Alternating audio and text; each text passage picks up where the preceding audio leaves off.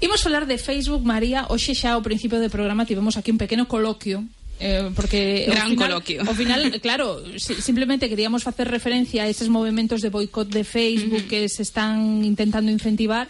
O que pasa que aquí a xente xa eh, todo mundo quería opinar de, de Facebook. Uh -huh. Que tivemos que dicir stop, parade, que logo con María imos falar do, do Facebook Gate, porque isto xa é un problema sí, eh, totalmente. eh, sí, sí, do, que, do que se está falando moitísimo en todo o mundo. Imos poñernos un pouco en antecedentes. María. Pois sí, estáse falando en todo o mundo, está xa ocupando as portadas e as editoriais dos eh, xornais e, das, e dos programas de televisión, porque porque a verdad que están metidos nun lío bastante grande con este caso que se chama o Cambridge eh, Analytica. Uh -huh. Levamos xa, bueno, Facebook xa non é a primeira vez que falamos da plataforma aquí, leva moito tempo no punto de mira por cousas como, bueno, cousas que temos falado aquí, secuestra o noso tempo, permite que se difundan noticias falsas, e xera certa vulnerabilidade en nós, nos cidadáns, porque o sistema que creo, que no que se basea Facebook, é un sistema no que a información se move máis pola emoción que pola razón, e iso fai menos facilmente manipulables. Claro, e, mane de... manexan moito eso, hai xente que manexa moito eso, de, claro, da eh, emoción. Eh. Exacto. Eh, todo se basea un pouco aí e de aí deriva moitos problemas. Eh, a pesar disto, Facebook sempre se defendeu como unha plataforma neutral que non tiña culpa do que seus usuarios fixeran.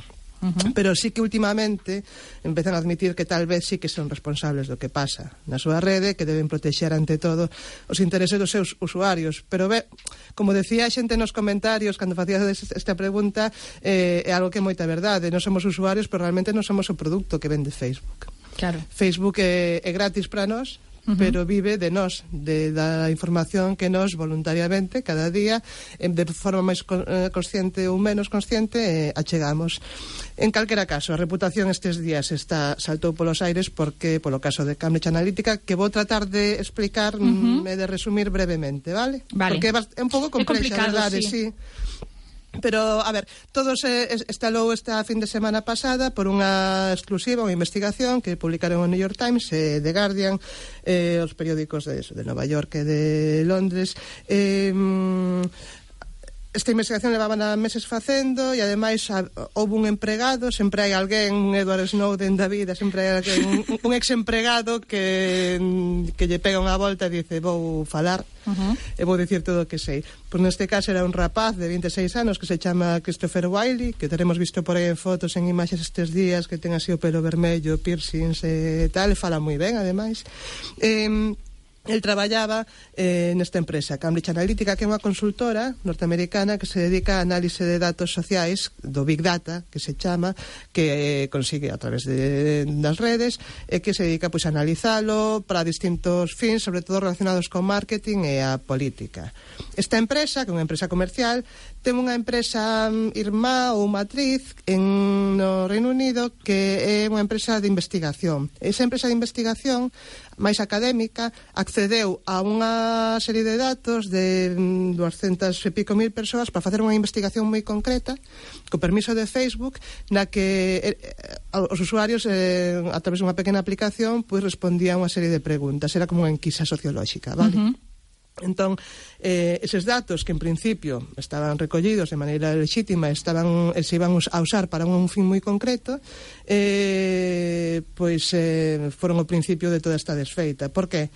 porque, por un lado, esta aplicación non solamente recollía os datos desas persoas que voluntariamente participaban no test, senón que collían os datos de, dos amigos de cada unha desas persoas. Uh -huh.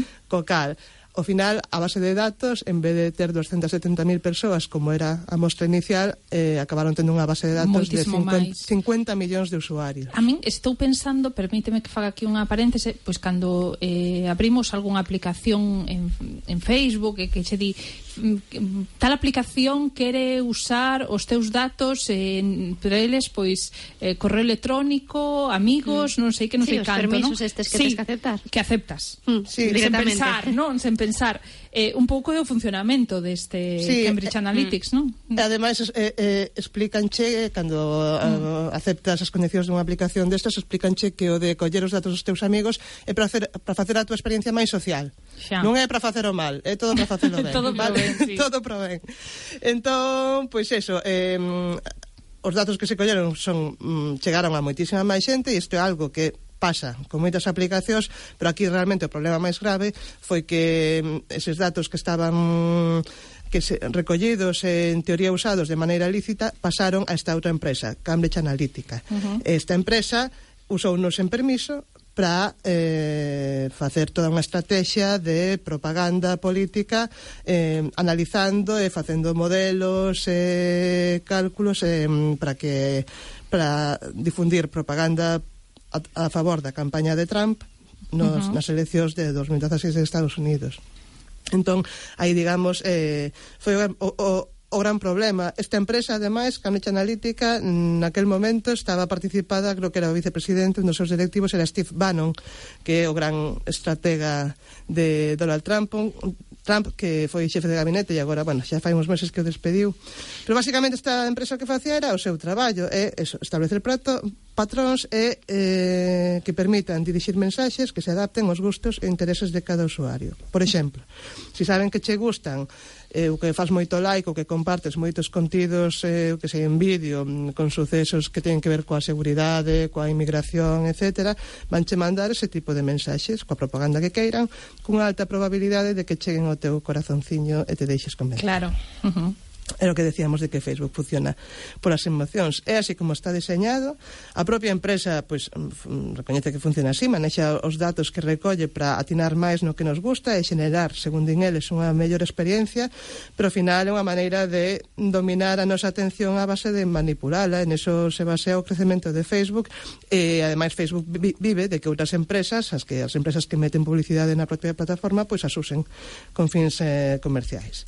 Cocal, temos a Facebook con moitísimo poder, mm. É unha serie de empresas que nunca chegaremos a saber cales porque ademais isto non está claro, regulado. Claro, non sabemos ben a quen chegou todo todo ese dato, non? Claro, de, de, esto que mm, que moita xente sospeitaba, non? Que sabe Dios que fan cos nosos datos, etcétera, mm. pois pues para chegar a, a demostrarlo e sacar unha información nun xornal pasaron moitos meses de investigación. Eso non está regulado, polo tanto non está controlado, non hai mecanismos de para saber como se distribúen e como se propagan estes datos.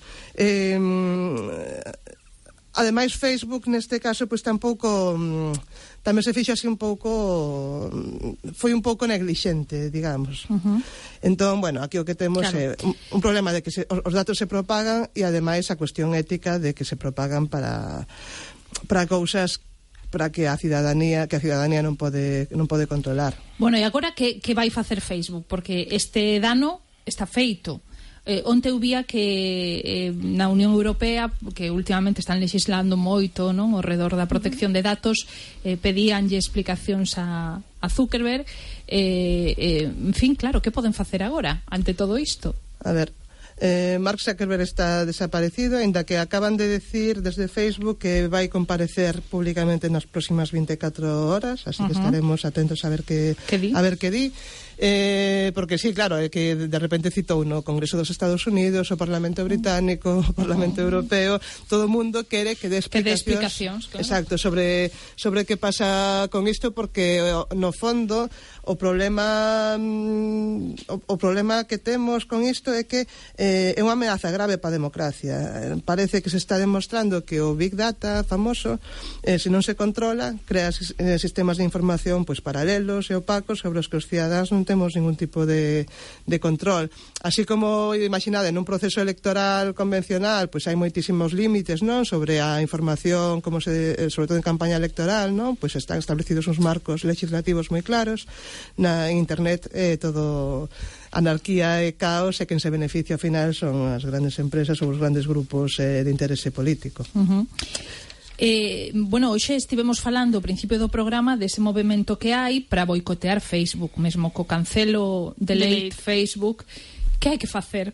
bueno, non sei, non sei María, que María a primeira vez que, que participou neste programa dicía que ela dábase de baixa de todas as redes sociais, logo non o cumpriu de todo, non? Tamén hai que dicilo. Eh, Por necesidades no. laborais, claro, pero E por vicio Pero... tamén podes ah, dicilo. no, Podo dicilo, non? sí, sí, sí.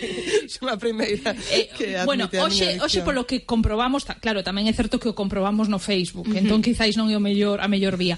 Pero eh, a xente, mm, polo menos a que comenta na tarde, non está moi pola labor de deixalo Facebook.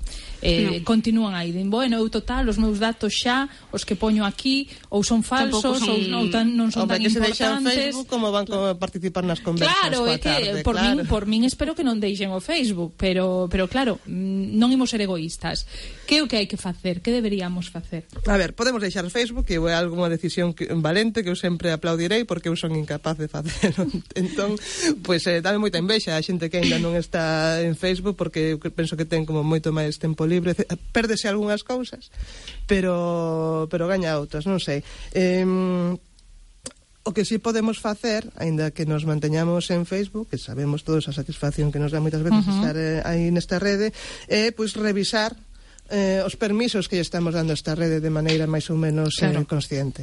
Eh, normalmente, por pura ignorancia, descoñecemento, porque tampouco estas plataformas non o poñen moi fácil, cando lle das a, a ver os termos de uso, sempre che piden que aceptes os termos mm. de uso de calquera aplicación, pero calquera se mete a, a ler esos a ler textos iso, que claro. teñen mil páxinas, cunha linguaxe ademais que non se entende, non, ti no momento, pois pues, queres eh, acceder á aplicación, das de aceptar e andando. Uh -huh.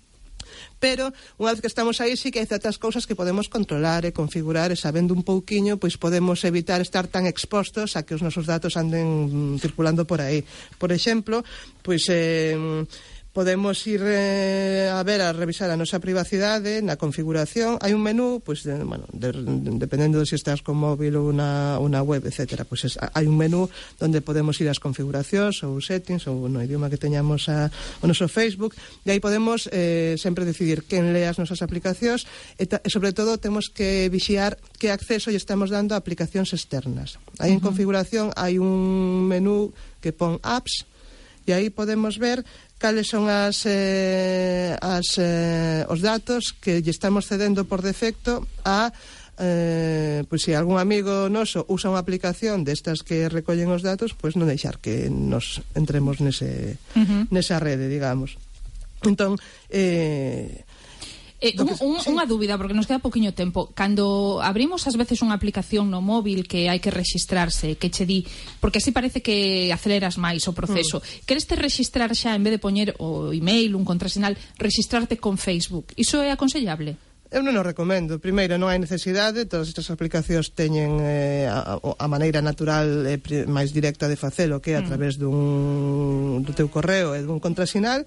E logo eh, non fai falta. Mm, mm, mm. Co, sí, sí. Convén que o, que o evitemos. E sobre todo evitemos estas aplicacións e estes test chorras de eh, como sería a tua cara se si é, sí. si, si foses eh, de outro canta, sexo. Canta idade aparentas. Sí, que sí, todo iso, todo iso que Kardashian, mal. Que Kardashian serías tamén está. Todo iso é mal, o sea, está feito para que piquemos e, e apañar os nosos datos así Ata de vez, así María. que por favor. Chao.